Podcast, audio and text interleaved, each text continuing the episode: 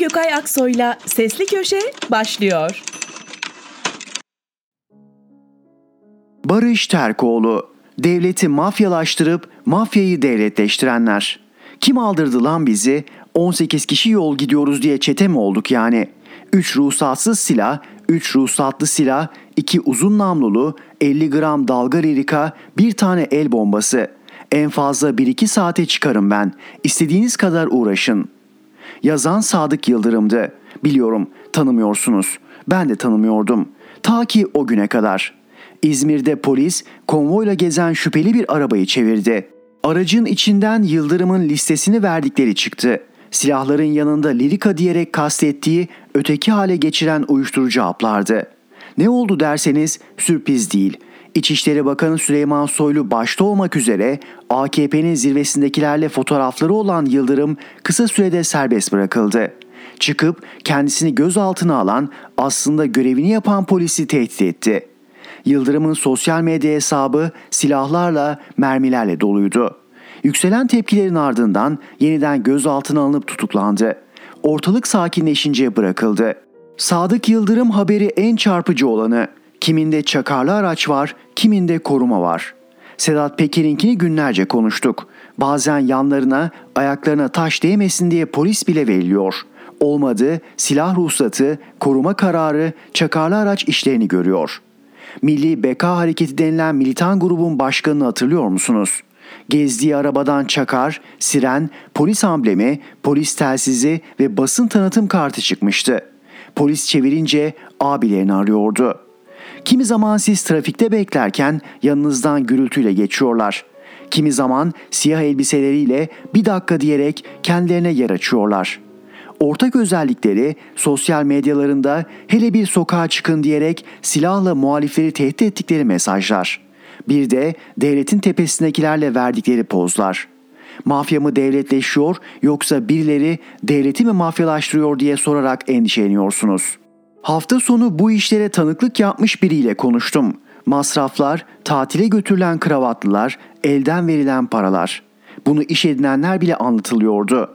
Raici 2 milyon liraya kadar çıkıyordu. Biliyorum sizin için büyük para ama onlar için çerez. Diyelim devletle iş yapan bir şirketin personelisiniz. Olmasanız da onlar sizi yapar. Olmadı mı?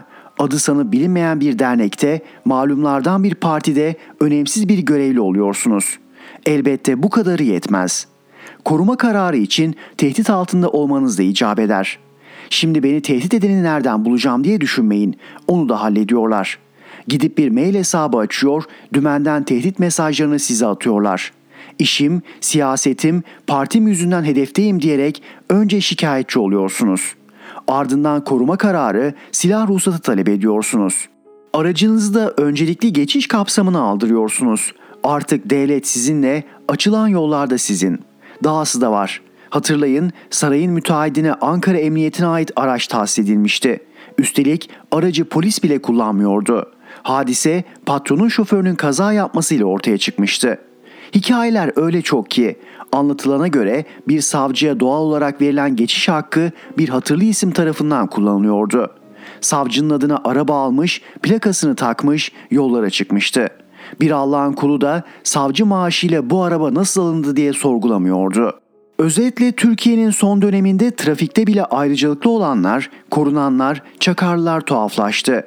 Ama bu kadar değil. Bir de korunması gerektiği halde korunmayanlar var. Hatırladınız mı? Daha önce bu sayfalarda Milli Savunma Bakanı'nın dört yardımcısına dair iddiaları okumuştunuz.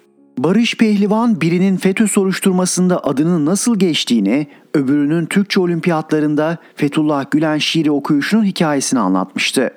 Türk Silahlı Kuvvetleri'ndeyken FETÖ'ye soruşturma açan Ahmet Zeki Üçok da 8 Şubat'ta konuştu. O da 3. Bakan Yardımcısının hakkındaki Baylok iddiasını, 4. yardımcının da ABD kriptolarındaki yerini anlattı. Üçok savcılığa elindeki belgeleri de verdi. Mevzu nereye gider derken ilginç bir olay yaşandı. Hayır, bakan yardımcısının dava açmasından söz etmiyorum. O beklenen bir şeydi. Üçok'un açıklamalarından birkaç gün sonra 17 Şubat'ta İçişleri Bakanlığı'nın Merkez Koruma Komisyonu toplantı yapmıştı. Toplantı sonucu Üçok'a şöyle tebliğ edilmişti. Hakkınızda yakın koruma kararının kaldırılmasına şeklinde karar verilmiş, alınan komisyon kararı bakanlık makamının oluruyla kesinleşmiştir. Ahmet Zeki Üçok, TSK'da askeri yargı görevlisiyken FETÖ'yü soruşturması sebebiyle kumpasa uğramış, yıllarını hapiste geçirmiş, çıkınca da FETÖ aleyhinde çalışmaya devam etmişti. Ahmet Hakan'ın 5 Nisan 2016 tarihli yani darbeden 3 ay önce yaptığı 3 ok röportajı önümde duruyor. Ordu içindeki Fethullahçı general ve albayları isim isim biliyorum. Üç okun verdiği isimler 3 ay sonra darbeye kalkıştı. Haliyle devlet FETÖ'nün açıktan da tehdit ettiği 3 oku koruma kararı almıştı. Bu sadece bir örnek. Üç oka sordum. FETÖ tespitlerine dair bugüne kadar kurumlara tam 22 dilekçe vermişti. Ama hiçbirinin ardından bunlar yaşanmamıştı. Gel gelelim bakan yardımcılarına dokununca birkaç gün sonra katli vacibe dönüşmüştü. Biraz geriye bakınca benzer o kadar olay var ki. Bir dönem FETÖ'yle dişe diş mücadele eden Mustafa Önsel'den Ali Türkşen'e hemen hepsinin başına benzer şeyler geldi. Medyada eleştiri yapmaları, kitap yazmaları durumun değişmesine yetti. Tesadüfe yer yok. Hep aynı hikaye. Birkaç gün önce AKP'den CHP'ye geçen Cevdet Nasıranlı'nın koruma kararının kaldırıldığını okumuşsunuzdur. Dahası 15 Temmuz'da hedef alınan çok kritik bir isimle konuştum. Emekli olmasının ardından kitap yazmış, muhalif bir partide siyasete atılmıştı. Ardından defalarca koruma kararı kaldırılmıştı. Kısacası mafyalar ve kara gömlekliler nasıl korunuyor, nasıl silahlanıyor, nasıl öncelikli oluyor derken daha fenası varmış.'' Devleti kendi malı sayan siyasiler terörün hedefindeki kişileri sadece kendisini eleştirdiği için mafya gibi silahların önüne atıyor. Mafya mı devletleşiyor, devlet mi mafyalaştırılıyor sorusu böylelikle cevabını buluyor. 14. Louis'e atfedilen devlet benim sözü kanlısıyla canlısıyla gerçek olmuş gibi. Tarihin öğrettiği bir şey var ki devleti kendisinin gölgesi sanarak mafyalaşanlar gün doğduğunda gölgelerinden bile korkar hale geliyor.'' Barış Terkoğlu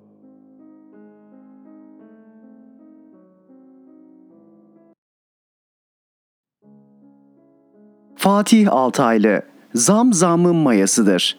Zam yapanlar, fiyat artıranlar takip edilecekmiş. Bunlara göz açtırılmayacakmış. İktidarımız öyle diyor. Peki baş üstüne kimse zam yapmasın. İyi de mesela doğalgaza kim zam yaptı? Ben mi, TÜSİAD mı, CHP mi? Kim? kim olduğunu bilmediğimiz birileri doğalgaza ve ona bağlı tüm enerji türlerine zam mı yapacak ama o doğalgazı kullanıp üretim yapan hiçbir şeye zam yapmayacak. Varsa böyle bir dünya ben de orada yaşamak isterim. Doğalgazdaki ya da enerjideki fiyat artışı bu kadar da belirleyici olur mu diye sormayın, okuyun. Diyelim ki sanayicisiniz. Üretim yapmak için ayda 10 milyon TL'lik doğalgaz kullanıyorsunuz. Birkaç gün önce olduğu gibi doğalgaza %50 zam geldiği anda yandınız.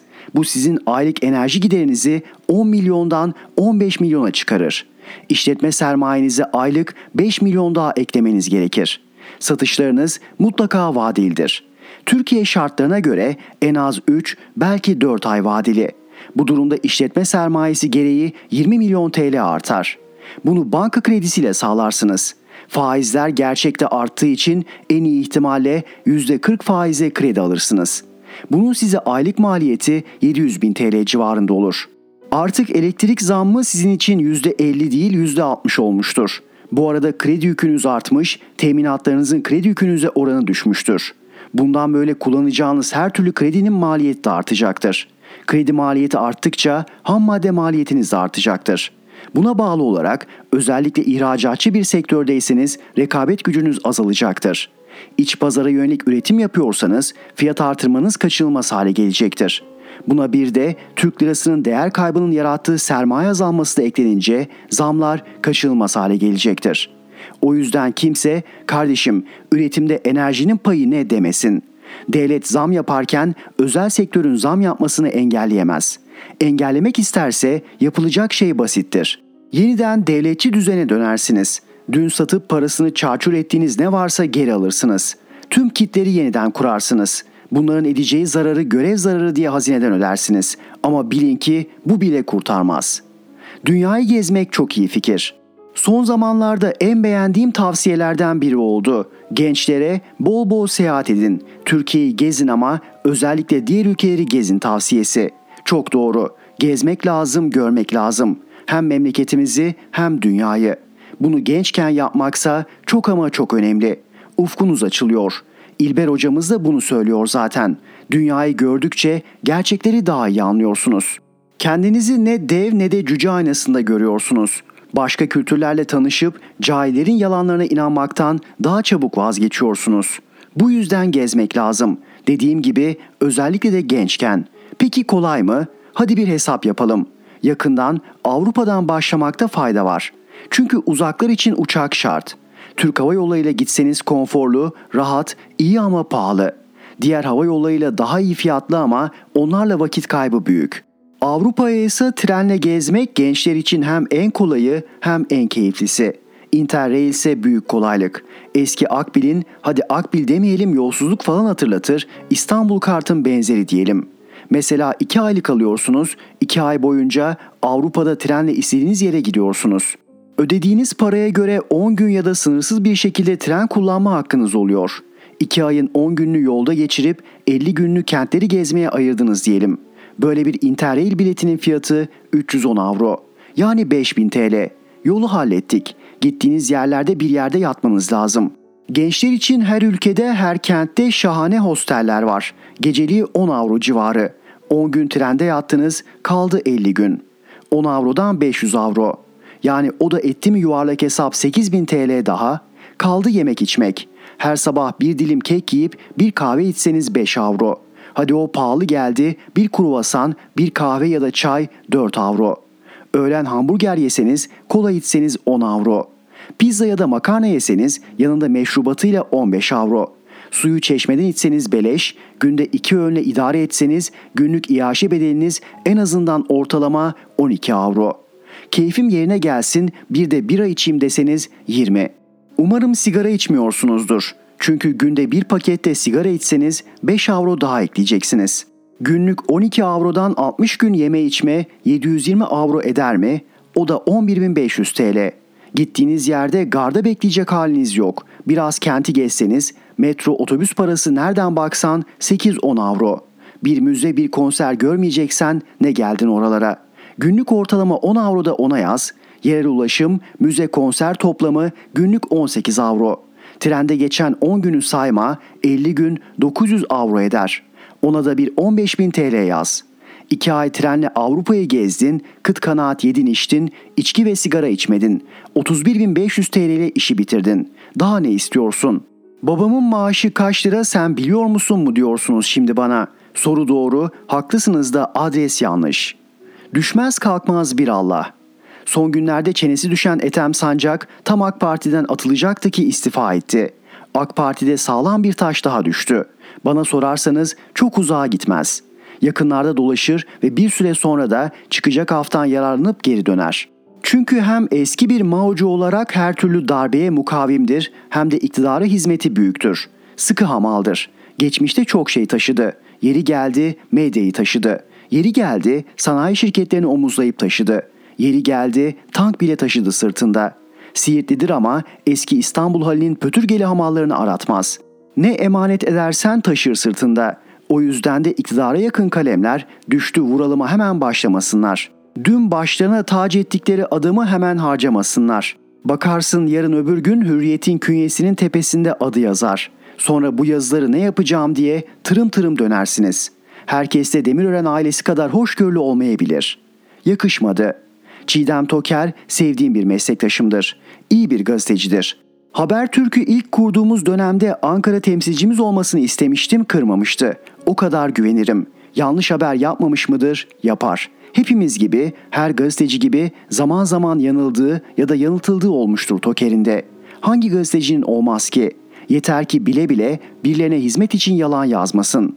Çiğdem Toker'in T3 Vakfı ile ilgili yazdığı bir haber ortaya attığı bir iddia yanlış çıkmış. Mahkeme de bu yanlış haberden ötürü Toker'i tazminata mahkum etmiş. Olabilir. Bugüne kadar hep beyefendi tavrıyla tanıdığımız, yaptığı işlere siyasi görüşü ne olursa olsun herkesin saygı duyduğu, hemen herkesin desteklediği Selçuk Bayraktar'da yönetimde olduğu vakfın yargıda elde ettiği bu kazanımdan sonra Çiğdem Toker için çok ağır bir mesaj yayımlamış.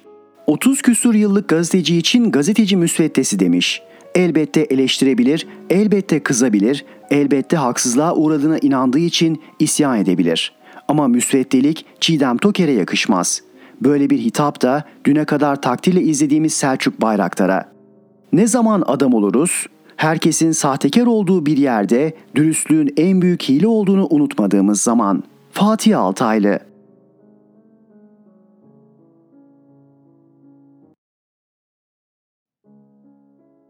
İsmail Saymaz, Yavuz Ağırelioğlu, bir gerekçe belirtilmedi. Bu çok rencide edici.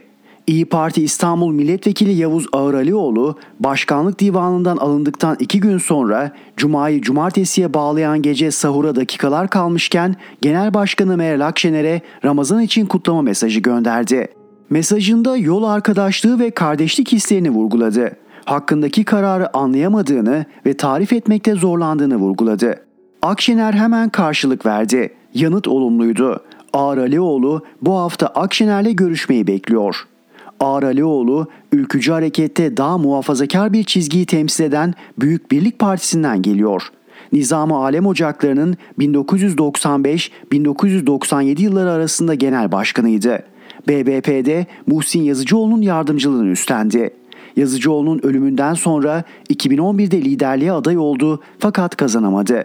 O yıl bir grup arkadaşıyla BBP'den ayrılarak Türkiye İnisiyatif Hareketi'ni kurdu.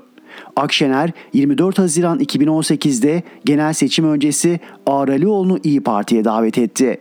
Ağralioğlu İstanbul'dan milletvekili seçilirken arkadaşları İyi Parti'ye katılmadı. Türkiye İnisiyatif Hareketi'ni lağvederek İnisiyatif Merkezi Eğitim Kültür ve Yardımlaşma Derneği'ni kurdular. Dernek bugün ülke çapında yardımlaşma faaliyeti yürütüyor. Ankara'daki aşevinde her gün 2000 kişiye yemek dağıtıyorlar. Ağralioğlu İyi Parti'ye Türkiye İnisiyatif Hareketi lideri olarak ve en tepeden girdi. Milletvekili ve Türkiye Büyük Millet Meclisi'nde grup başkan vekili seçildi. Etkileyici ve ağdalı belagatıyla öne çıktı. Gün geldi, Kılıçdaroğlu'nun demokrasinin yolu Diyarbakır'dan geçer çıkışına yanıt verdi. Gün geldi, HDP'lilerle çatıştı. Partide özerk bir figür olarak hareket ettiği, bireysel politik çizgi izlediği öne sürüldü. Ağralioğlu'nun demeçleri kimi zaman Cumhur İttifakı tarafından İyi Parti'ye karşı kullanıldı. Ağralioğlu'nun omuz boşluğundan Akşener'e yumruk atıldığı da oldu. İlk önce grup başkan vekilliğinden alındı. Sonra parti sözcülüğü sonlandırıldı. Şimdi de Türk Dünyası ve Yurt Dışı Türkler Başkanlığı bitirilerek başkanlık divanı dışında bırakıldı. Ağrelioğlu bu kararları ya toplantıda açıklandığı sırada ya da televizyonda yayınlandığında öğrendi. Ağar Alioğlu başkanlık divanından çıkarılmasını ve çıkarılma biçimini rencide edici buluyor. Bir gerekçe bildirilmediğini ifade ediyor. İyi Parti'den istifa mı edecek? Hayır. Akşener'in kardeşi ve yol arkadaşı olmak, AK Parti'ye karşı verilen soylu mücadeleye katılmak istiyor. Ne var ki iki aydır Akşener'le yüz yüze görüşemedi. Aralarında soğukluk var.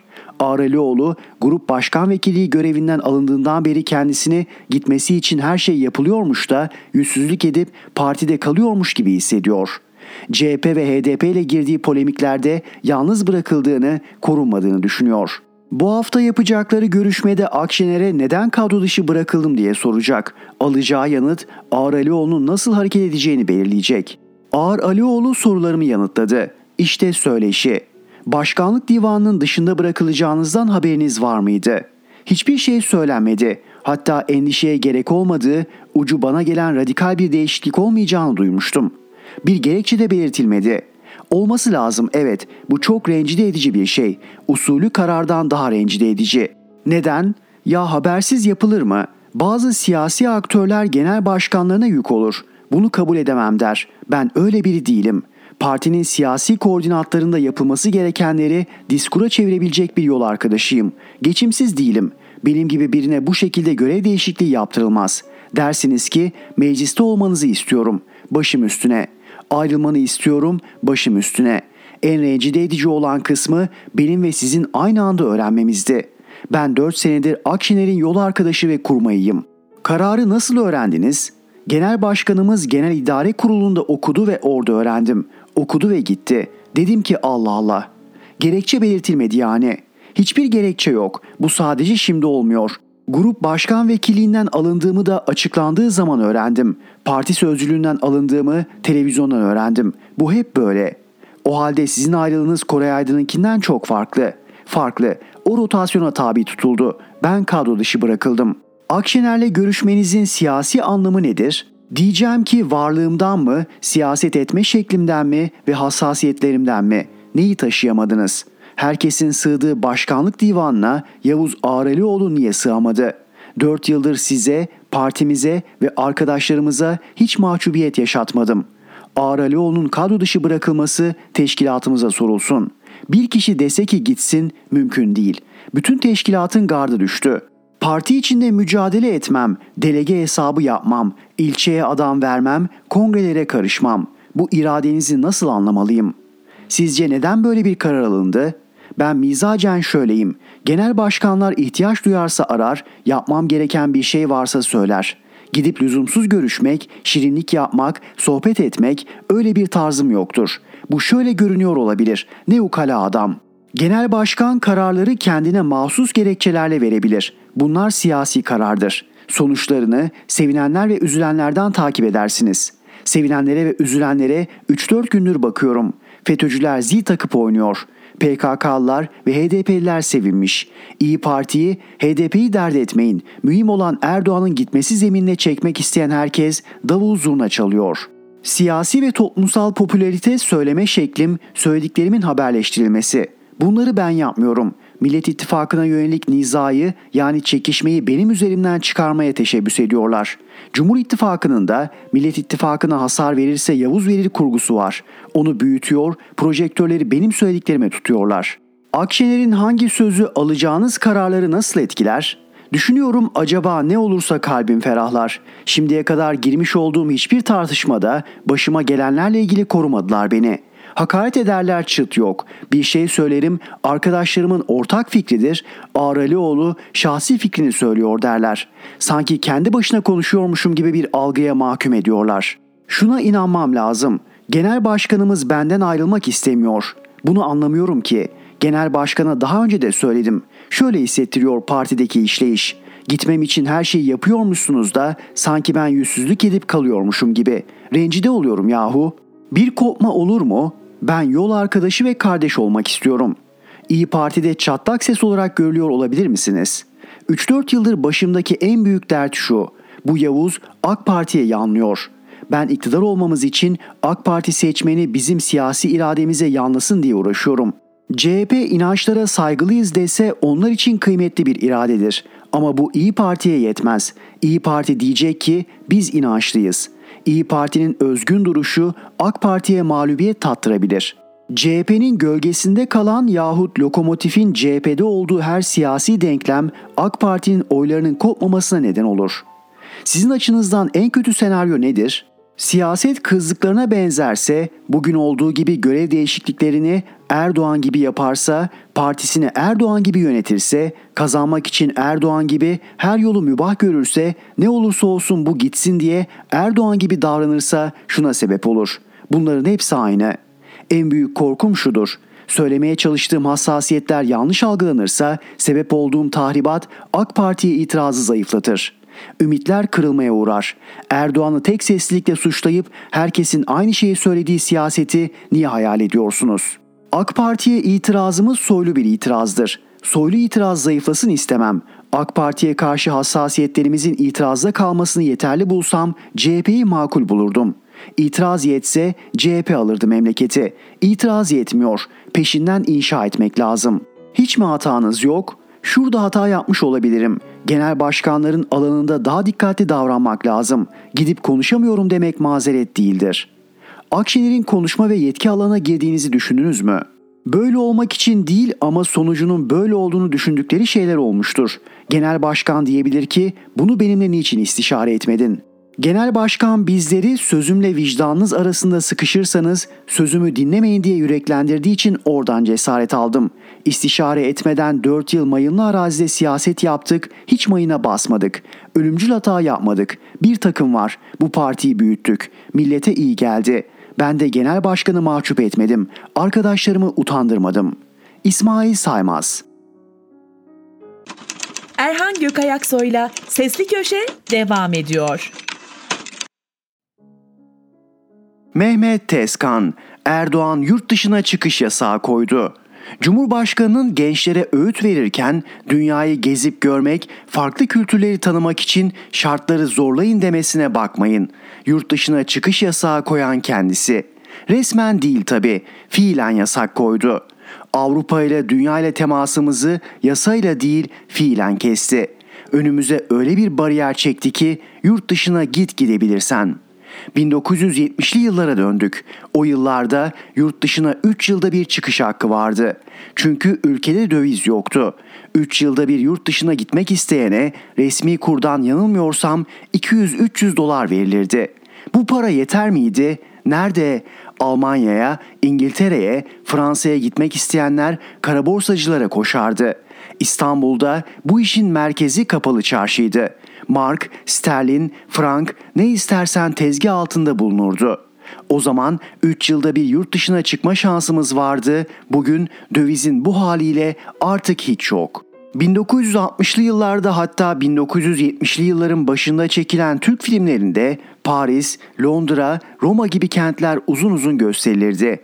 Filmin başrol oyuncusu bu kente gider güya kenti gezerdi. Sinema seyircisi de Paris nasıl bir yer, Roma nasıl bir yer diye bakar, ilgiyle izlerdi. Avrupa kentleri filmlerden bilinirdi. Gidip gören çok azdı. Şimdi durum farklı değil. Teknoloji değişti. Sinema filmlerinin yerini YouTube alacak. Yine gidip gören çok az olacak. Çünkü Erdoğan'ın bilerek isteyerek yükselttiği döviz kuru sebebiyle fiili yurt dışına çıkma yasağı var. Dolara, euroya, sterline el sürülmüyor.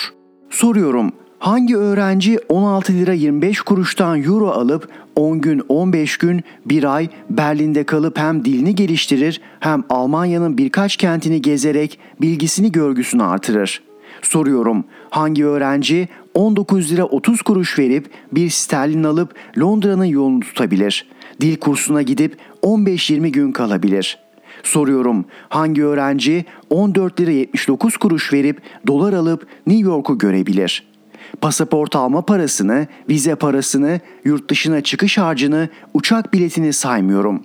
Bırakın öğrencileri hangi baba yiğit elini kolunu sallayarak İngiltere'ye gidip bir hafta kalabilir. İş insanlarının, rantçıların, faizcilerin dışında. Ücretli yemesinden içmesinden kesip biriktirdiğiyle bırakın Berlin'i Sofya'ya gidemez. Dün haberini okudum. Bu yılın ilk 3 ayında Edirne'ye 500 bin Yunan ve Bulgar turist gelmiş. Sadece bu iki ülkeden değil, son günlerde Makedonya, Romanya, Hırvatistan ve Sırbistan'dan da Edirne'ye alışverişe gelenler varmış. Onlar bir iki gece otellerde kalıyormuş. Otelcilerin de yüzü gülmüş. 500 bin turist geldi diye sevinelim mi üzülelim mi? Edirne bu kadar insanı çekecek kadar turistik kent değil. O zaman bu insanlar niye geliyor? Ciğer yemek için değil herhalde.'' Türkiye ucuz ülke olduğu için geliyor. Türkiye yoksul ülke olduğu için geliyor. Bundan 4-5 yıl öncesine kadar bizler giderdik. Bulgaristan'a, Yunanistan'a, Romanya'ya. Ucuz diye alışveriş yapmak için. Şimdi onlar geliyor. 3 ayda sadece Edirne'ye 500 bin kişi geldi diye sevinelim mi ağlayalım mı? Bence kara kara düşünelim. 4-5 yıl önceki gazeteleri açın. Çarşaf çarşaf gazete ilanlarını görürsünüz. 3 gece 4 gün Roma, hafta sonu Paris, Kuzey İtalya turu, İspanya turu, 4 gece 5 gün Barcelona Madrid turu. Orta gelir grubu hatta orta gelirin bir nebze altında olanlar bile bu gezilere katılırdı. En azından Hırvatistan'a giderlerdi. Şimdi mümkün mü? Pandemi var diyecekler. Pandemi bitiyor, ülkeler turistlere bu yaz kapılarını açıyor. Rusya Ukrayna'ya saldırmasaydı Ankara bu sezon 40 milyon turist bekliyordu. Peki bizden yurt dışına kaç kişi gidecekti? Küçük bir grup mutlu azınlık. Göreceğiz. Turizm şirketleri yurt dışı turları için gazetelere sayfalar dolusu ilan verecek mi, verebilecek mi? Turizm Bakanı tur şirketi sahibi ne der acaba? Yurt dışı turları düzenleyecekler mi? Mehmet Tezkan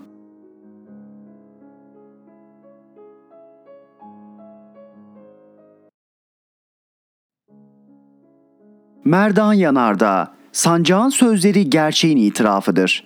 Türkiye'nin son 20 yılında en çok büyüyen sermaye gruplarından birinin patronu olan eski aydınlıkçı AKP üyesi Ethem Sancağ'ın Marmara Üniversitesi'nde 31 Mart Perşembe günü katıldığı bir söyleşideki sözleri ortalığı karıştırdı. Nasıl karıştırmasın? Sancağ'ın sözleri tam bir itiraf niteliğindeydi. Sancak AKP'yi iktidara ABD getirdi. Ne var bunda? Biz de vesayet rejimine karşı mücadele ettik diyordu.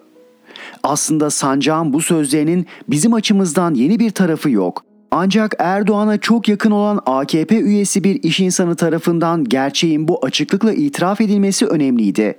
Çünkü Erdoğan AKP iktidarının önde gelen sözcülerinin sıkıştıkları her aşamada sorumlu olarak dış güçleri gösterdiği, muhalefet partileri ve gezi direnişi de dahil neredeyse muhalif her toplumsal eylemi dış güçlere bağladığı bir dönemde söylenmişti.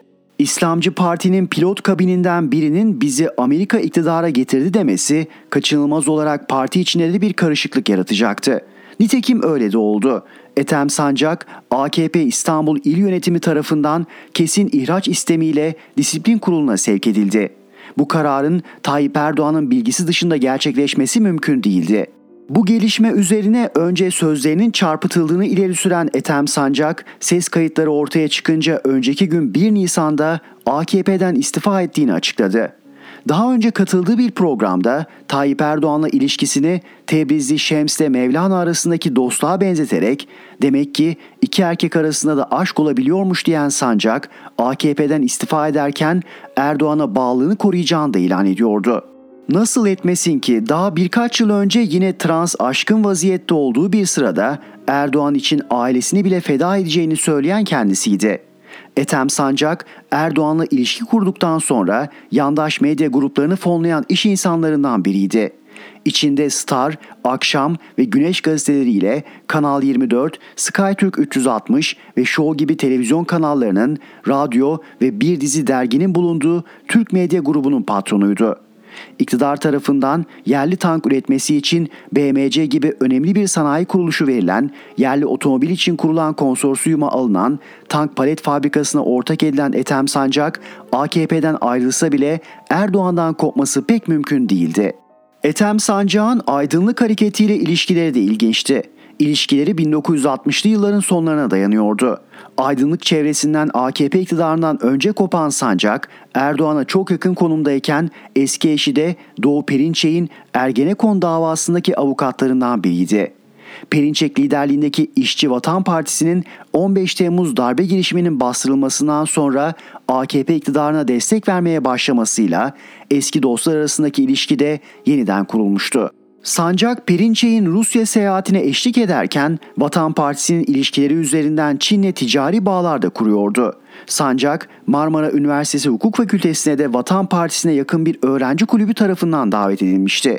Aslında Sancak'ın sözleri benim ilk baskısı 2007 yılında yapılan ve Eylül 2016 tarihinde ise hayli genişlettiğim bir ABD projesi olarak AKP adlı kitabımda ortaya koyduğum gerçeği bir kez daha doğruluyordu. Daha önce de AKP'nin kuruluşuna katılan kimi siyasetçi ve yazarlardan benzeri itiraflar hatta somut tanıklıklar gelmişti. Bunları kitabımda ayrıntılı olarak değerlendirmiştim. Benim söz konusu kitapta AKP'nin kuruluşuna ve iktidara taşınmasına ilişkin ortaya attığım görüşler kitabın çıkmasından birkaç yıl sonra tanınmış bazı İslamcı yazarların içeriden tanıklığıyla da doğrulanacaktı. Türkiye'nin önde gelen İslamcı yazarlarından Ali Bulaç ki 15 Temmuz darbe girişiminden sonra tutuklandı, AKP yanlısı Akit gazetesi yazarı Abdurrahman Dilipak ve AKP kurucular arasında yer alan daha sonra Merkez Partisi'ni kuran Profesör Doktor Abdurrahim Karslı AKP'nin bir ABD projesi olarak kurulduğunu söyleyecek ve yazacaklardı. Ali Bulaç 22 Aralık 2014'te dönemin Zaman Gazetesi'nde şaşırtıcı bir yazı kaleme almıştı. Şaşırtıcıydı çünkü AKP'nin kuruluş şifrelerini açığa vuran beklenmedik bir itiraf niteliğindeydi. Bulaç AK Parti bir proje miydi başlıklı yazısında bu partinin nasıl kurulduğuna ilişkin yaptığı tanıklıklardan ayrıntılar veriyordu. Bulaç, Merkez Partisi Genel Başkanı Abdurrahim Kars'ın bir televizyon kanalına verdiği röportajda kendisine ve Dilipak'a atfen söylediği AK Parti'nin bir proje olarak ABD, İngiltere ve İsrail tarafından kurulduğu şeklindeki sözlerini doğruluyordu. Ali Bulaç'ın tarihi belge niteliğindeki o yazısının ilgili bölümü şöyleydi. Geçenlerde Merkez Parti Genel Başkanı Abdurrahim Karslı Artı Bir TV'ye verdiği röportajda Abdurrahman Dilipak'ın AK Parti'nin bir proje olarak ABD, İngiltere ve İsrail tarafından kurulduğunu iddia ettiğini, kuruluşuna destek veren güçlerin şu üç şeyi talep ettiğini söyledi. 1. Biz sizi iktidara taşıyalım. 2. Size iktidarda sorun çıkaracakları opere edelim. 3. Size gerekli finansal destekleri getirelim. AK Parti'den istenenler de şunlardı. A. İsrail'in güvenliğini artıracaksınız. Önündeki engelleri kaldıracaksınız. B. Büyük Orta Doğu Projesi yani sınırların değişmesini destekleyeceksiniz. C. İslam'ın yeniden yorumlanmasında bize yardımcı olacaksınız. Bu konuyu yazmamın iki sebebi var. İlki Sayın Karslı beni de şahit gösteriyor.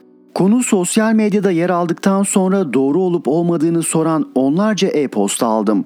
Yine yazmayacaktım ama Dilipak, Rota Haber'den Ünal Tanık'a konuşulanları teyit edince yazmaya karar verdim. İkincisi AK Parti hükümetinin neden Batı ile bozuştuğunu anlamak için artık bunları yazmak lazım. Evet, o toplantıda ben de vardım. 40 senedir tanıdığım Abdurrahman Dilipak bunları ifadelerde bazı değişiklikler olsa da anlattı. Mesele şu. 1998'lerden başlamak üzere Amerikalılar sıklıkla bizlerle görüşmeye başladılar. Biri gidiyor, üçü geliyordu. Sordukları şuydu.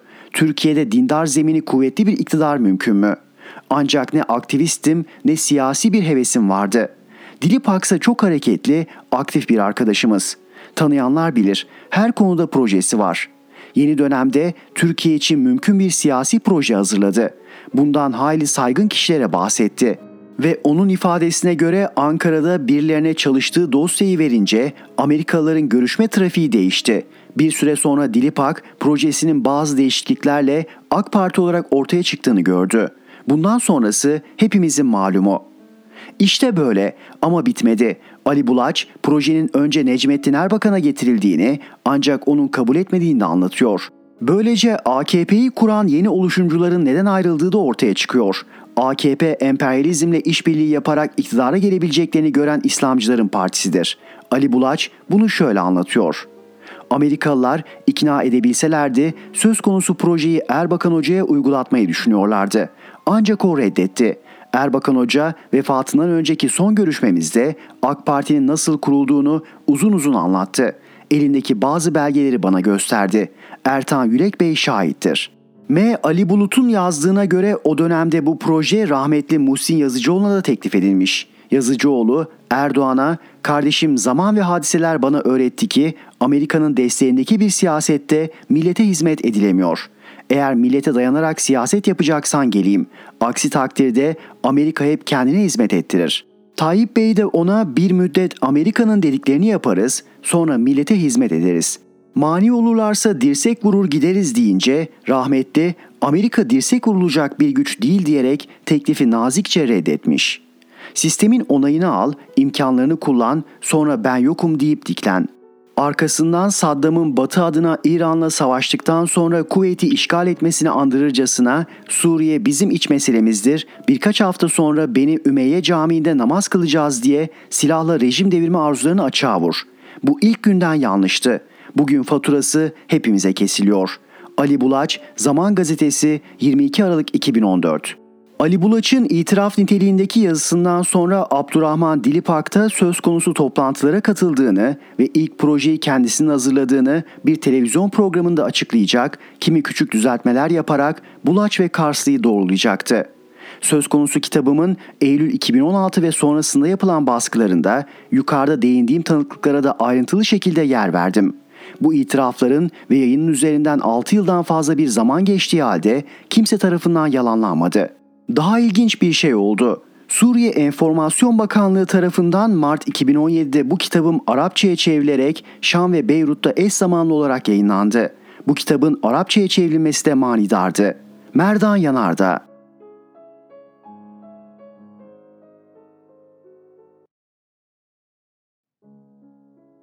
Müyesser Yıldız Suudi prens de mi ekonominizi mahvederim dedi. Dış politikanın adını kuşatmayı yarma koyup 15 Temmuz'un finansörü yani 251 şehidimizin binlerce gazimizin müsebbibiyle kardeş oldular. Bu gelişmeden sonra gazeteci Cemal Kaşıkçı'yı İstanbul'un ortasında vahşice katledenlerle de barışılmasına şaşılır mı?''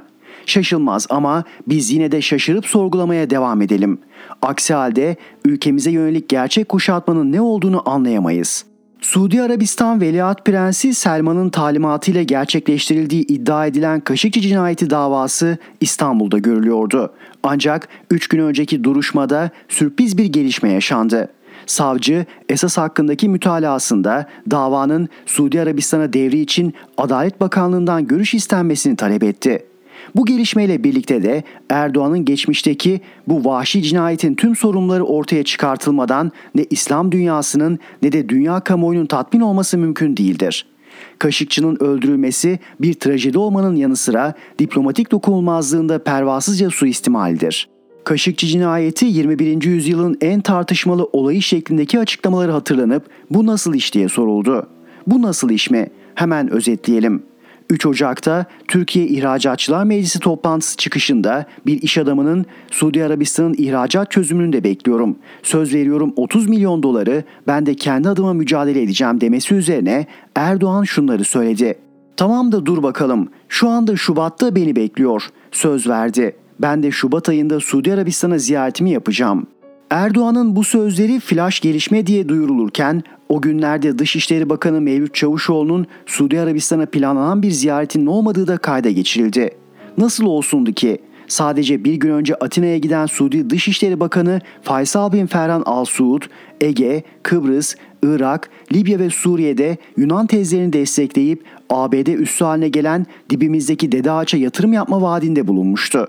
Keza yine o günlerde Suudi Arabistan'ın Türk mallarına uyguladığı ambargonun sonuçları ortaya çıkmış, bu ülkeye ihracatımızın 3.2 milyar dolardan 189 milyon dolara gerilediği açıklanmıştı. Bizler ne olduğunu anlamaya çalışırken ABD'nin önemli gazetesi Wall Street Journal, Prens Selman'ın Erdoğan'dan Kaşıkçı'nın ölümünü tekrar gündeme getirmeme ve Türk medyasının da bu konuyu haberleştirmemesi sözünü istediğini öne sürüp şunları yazdı. Erdoğan için buradaki hesaplamalar jeopolitikten daha çok para odaklı olabilir. Türkiye krizin içindeyken Erdoğan bir ekonomik can kurtaran arıyor. Abu Dhabi Veliaht Prensi Şeyh Nahyan'ın Ankara'ya gelmesinden sonra Baye'den yetkililer milyarlarca dolarlık yatırım sözü verdi. Riyad'la görüşmeler Suudi Arabistan'ın bir yıldır uyguladığı gayri resmi Türk mallarına boykotu sonlandırabilir. Ve Ankara'dan bu vahim iddiayı yalanlayan çıkmadı. Erdoğan Şubat'ta gideceğim demişti ya. Üzerinden iki ay geçti ama o ziyaret gerçekleşmedi. Acaba sorun neydi? Şimdi son iki günde yaşananlara bakalım.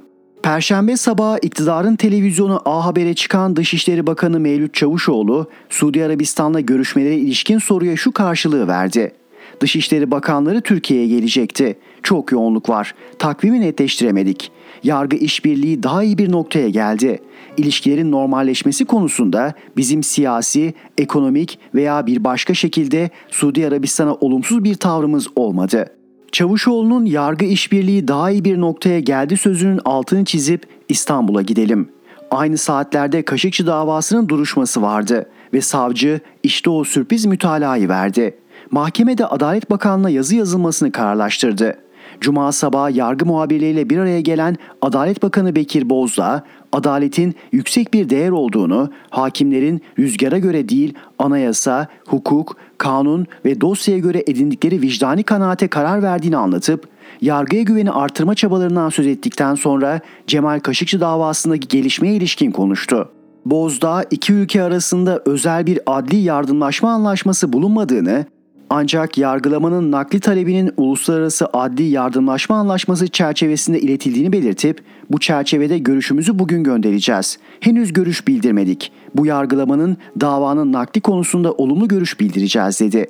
Aynı gün gece saatlerinde de bakanlığın davanın Suudi adaletine devrini uygun bulup kararı İstanbul Cumhuriyet Başsavcılığına gönderdiği duyuruldu. Ne hız ve uyum değil mi? Gel de bu gelişmelerden sonra özellikle 3 kişinin görüşünü merak etme. Bunların ilki MİT Başkanı Hakan Fidan. Ta ABD'ye gidip Kaşıkçı cinayetinden Veliaht Prens Selman'ın sorumlu olduğuna dair bir tasarı hazırlayan senatörlere bilgi vermiş, bu durum muhalefetin tepkisini çekerken Erdoğan bu konuda bilgisinin olmadığını söylemişti. İkincisi Kaşıkçı öldürüldüğünde İstanbul Cumhuriyet Başsavcısı şimdi Anayasa Mahkemesi üyesi olan İrfan Fidan. Adalet Bakanı Abdülhamit Gül ve Cumhurbaşkanlığı İletişim Başkanı Fahrettin Altun'un yanı sıra o da cinayet hakkında Oscar ödüllü yönetmen Brian Fogel'in hazırladığı Muhalif adlı belgesele konuşup tüm detayları anlatmıştı. Nihayetinde yönetmen Fogel şu değerlendirmeyi yapmıştı. Dünyada gerçekten Suudi Arabistan'ı sorumlu tutan tek ülke Türkiye'ydi. Cemal Kaşıkçı cinayetine adalet getirmek için elinden gelen her şeyi yapan ülke Türkiye'ydi. Suudi Arabistan cinayeti itiraf etmezken Türkiye onlara ellerinde bulunan kanıtları gösterdi ve sonunda itirafta bulunmaya zorladı. Bence Türkiye Cemal Kaşıkçı cinayeti davasında doğru tarafta yer aldı ve tarih bunu yazacak. Üçüncü kişi ise Cumhur İttifakı'nın ortağı MHP lideri Devlet Bahçeli. Neden mi? Kaşıkçı'nın öldürülmesinden sonra şu açıklamaları yaptığı için Türkiye mafyavari yöntemlerin, bölgesel komplo faillerinin, kanlı hesaplaşmaların, örtülü operasyonların geçiş güzergahı veya sahne alanı değildir. 9 Ekim 2018 Suç varsa, suçlular belli ise gereği mutlaka yapılmalı, Türkiye'yi töhmet altında bırakmak için fırsat arayan mihraklara asla koz verilmemelidir. 18 Ekim 2018 bu cinayet üzerinden siyasi restleşmeler, gizli kapaklı pazarlıklar, bölgesel planlamalar, ekonomik hesaplar bir teviye yapılmaktadır. Kaşıkçı cinayeti ezberleri bozmuş, Pandora'nın kutusunu açmıştır. Türkiye dışında herkes meskur cinayeti keyfince ve menfaati kapsamında yorumlayıp saptırmaktadır. Fakat ülkemiz hakkın ve hukukun yanındaki sağlam duruşuyla takdir toplamaktadır.'' Konunun hazin tarafı ise İslamiyet'in yargılanma ayıbı Mekke ve Medine yönetiminde tutan ülkenin iç karartan ahlaki ve adalet açığıdır. Suudi Arabistan yönetimi ise olayla ilişkili 18 Suudi vatandaşını gözaltına almış ve bunlardan 5'i hakkında idam talebinde bulunmuştur. Kimleri sallandırıp kimleri kurtaracakları ise bize göre muammadır.'' İşin vahametine bakın ki cinayetin baş azmettiricisi olarak ismi sık sık telaffuz edilen veliaht böylesi bir olayın bir daha tekrar etmemesi maksadıyla kurulan istihbarat üst komisyonunun başına getirilmiştir.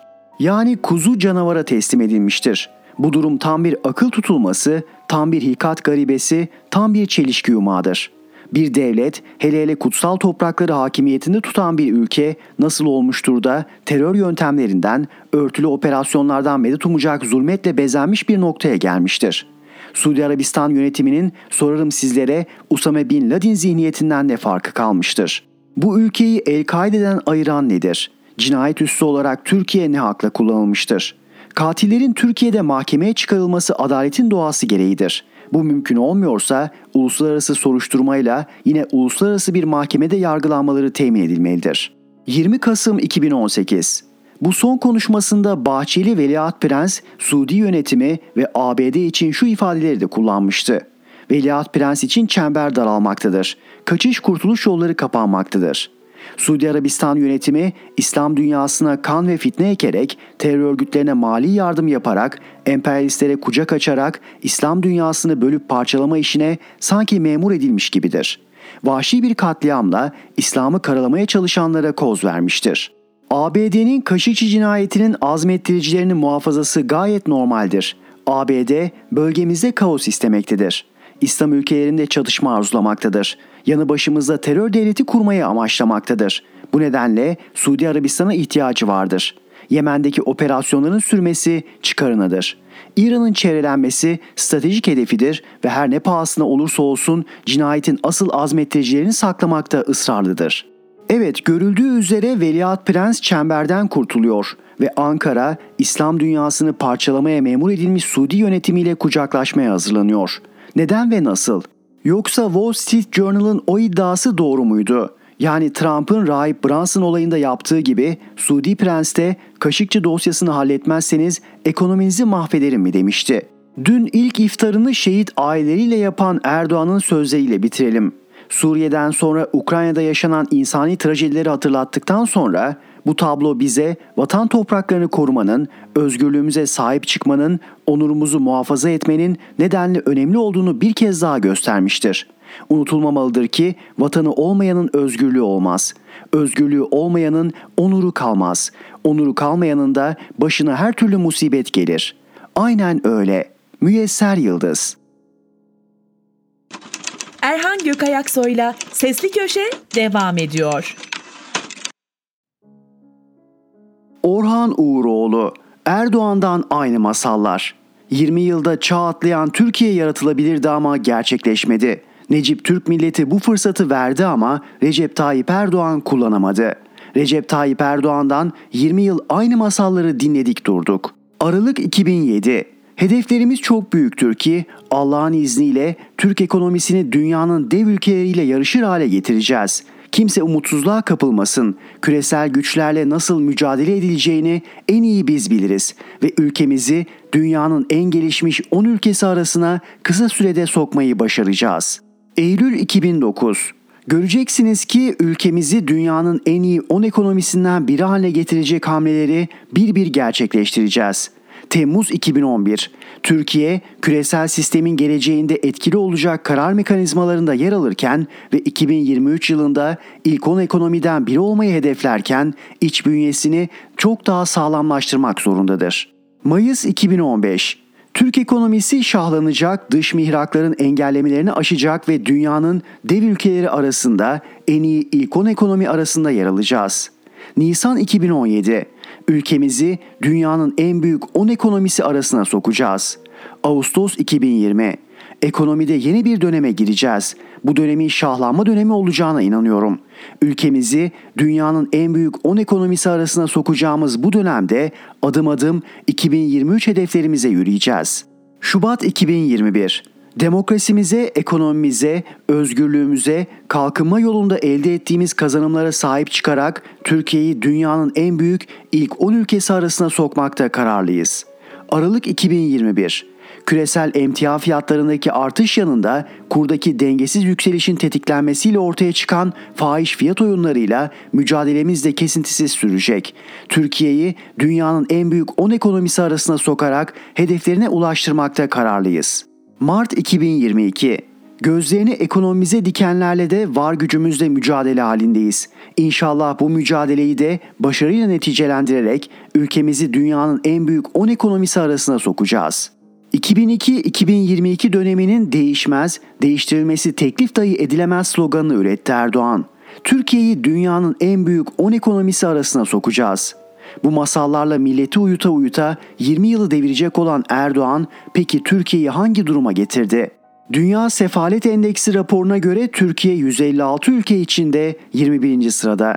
Dünyanın en büyük 20 ekonomisi sıralamasına göre Türkiye 2021'de 21. sıraya düştü. 2022'de ise 22. sıraya gerileyeceği öngörülüyor. Millet de bu masallarına inandı ve 20 yıl iktidarda tuttu. Ne istedi de vermedi bu büyük millet Erdoğan'a. AKP'nin tek başına iktidar olması ve başbakanlık yapması da Erdoğan'ın hırsını kesmedi. Cumhurbaşkanı oldu, AKP'den istifa etti. Ama gözü AKP Genel Başkanlığı koltuğunda kaldı. Hem Cumhurbaşkanı hem Başbakan hem de AKP Genel Başkanlığını anayasaya aykırı şekilde 2014-2017 döneminde yürüttü. Siyaset arenasındaki en büyük rakibi ve düşmanı MHP'li Doktor Devlet Bahçeli bir anda devreye girdi ki moda söylemle Bahçeli'ye hiçbir şey olmasa bile kesinlikle bir şeyler oldu. Devletin başına devletin geçmesinden de MHP'nin iktidar olmasından da vazgeçen Devlet Bahçeli dedi ki Erdoğan anayasaya uymuyorsa anayasayı Erdoğan'a uyduralım. İşte ucube tek adam rejimi bu sloganla yaratıldı ve bugün milletin anasını ağlatır hale geldi ki Erdoğan yıllarca üretti bol bol laf, etrafında yarattı bol maaşlı, çok kazançlı saf. FETÖ'cülerle yaptığı işbirliği büyük gaf. Cemaat ve tarikatlarla oluşturduğu laiklik karşıtı taraf, inanan seçmeni ise seyretti saf saf. Yarattığı göstermelik algılar da vardı. Askeri vesayet, mağduriyet. Bu rollerini Allah bilir ya çok iyi sahneledi ve milleti inandırdı kendisine 2023 sonrası hedefi de koydu. 2053 vizyonumuzun ilk ve en iddialı hedefi olarak belirlediğimiz yeşil kalkınma devriminin lokomotif şehri Ankara olacaktır. Erdoğan'ın manda yoğurdu, kestane balı, Medine uğurması yulaf formülü acaba ölümsüzlük reçetesi mi? Allah müstahakını versin Erdoğan. Orhan Uğuroğlu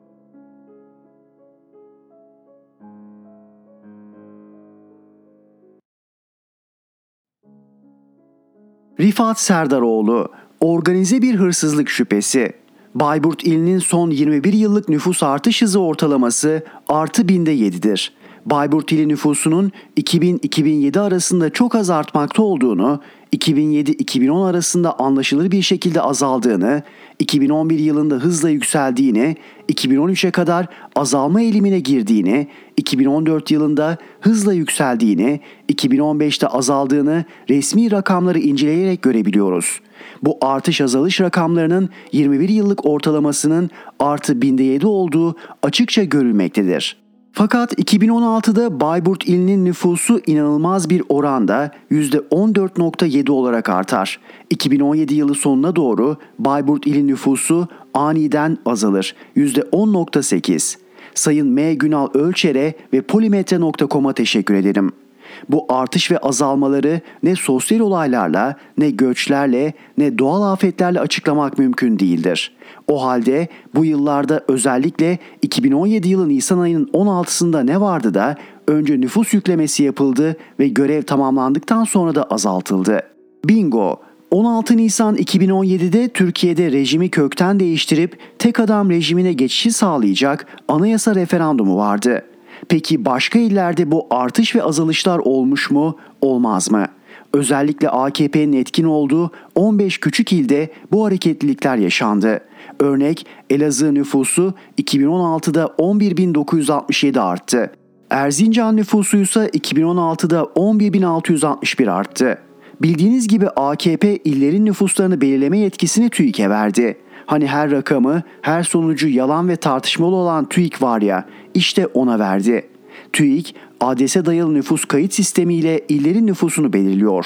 Doğru Parti teşkilatlarının tespitlerine göre bu yıl başından itibaren nüfus yoğunluklarında büyük hareketlilik yaşanmaktadır. İçişleri Bakanlığı, Nüfus ve Vatandaşlık Genel Müdürlüğü tarafından nüfus kimlik kartı verilmiş kişiler otobüslerle illere gönderilmekte ve valilerin talimatıyla seçmen olarak yazılmaktadır. Otobüslerle getirilen bu kişilere kumanya ve adam başı 2-3 bin TL arası para verilmektedir. Doğru Parti nüfus hareketliği görülen 17 ilden 5-6 adedinde teşkilatları ve profesyonel ekiplerin desteğiyle çok ciddi araştırma başlatmıştır. Seçimlerin en önemli şartı seçim güvenliğidir. Seçim güvenliği denilince önümüze seçimlerin güvenliğinden sorumlu Süleyman Soylu ve Bekir Bozdağ isimleri çıkar. Özellikle İçişleri Bakanı çok dikkat edilmesi gereken biridir. Boğazına kadar yanlışa gömülmüş bu kişinin yapabileceklerinin sınırı yoktur.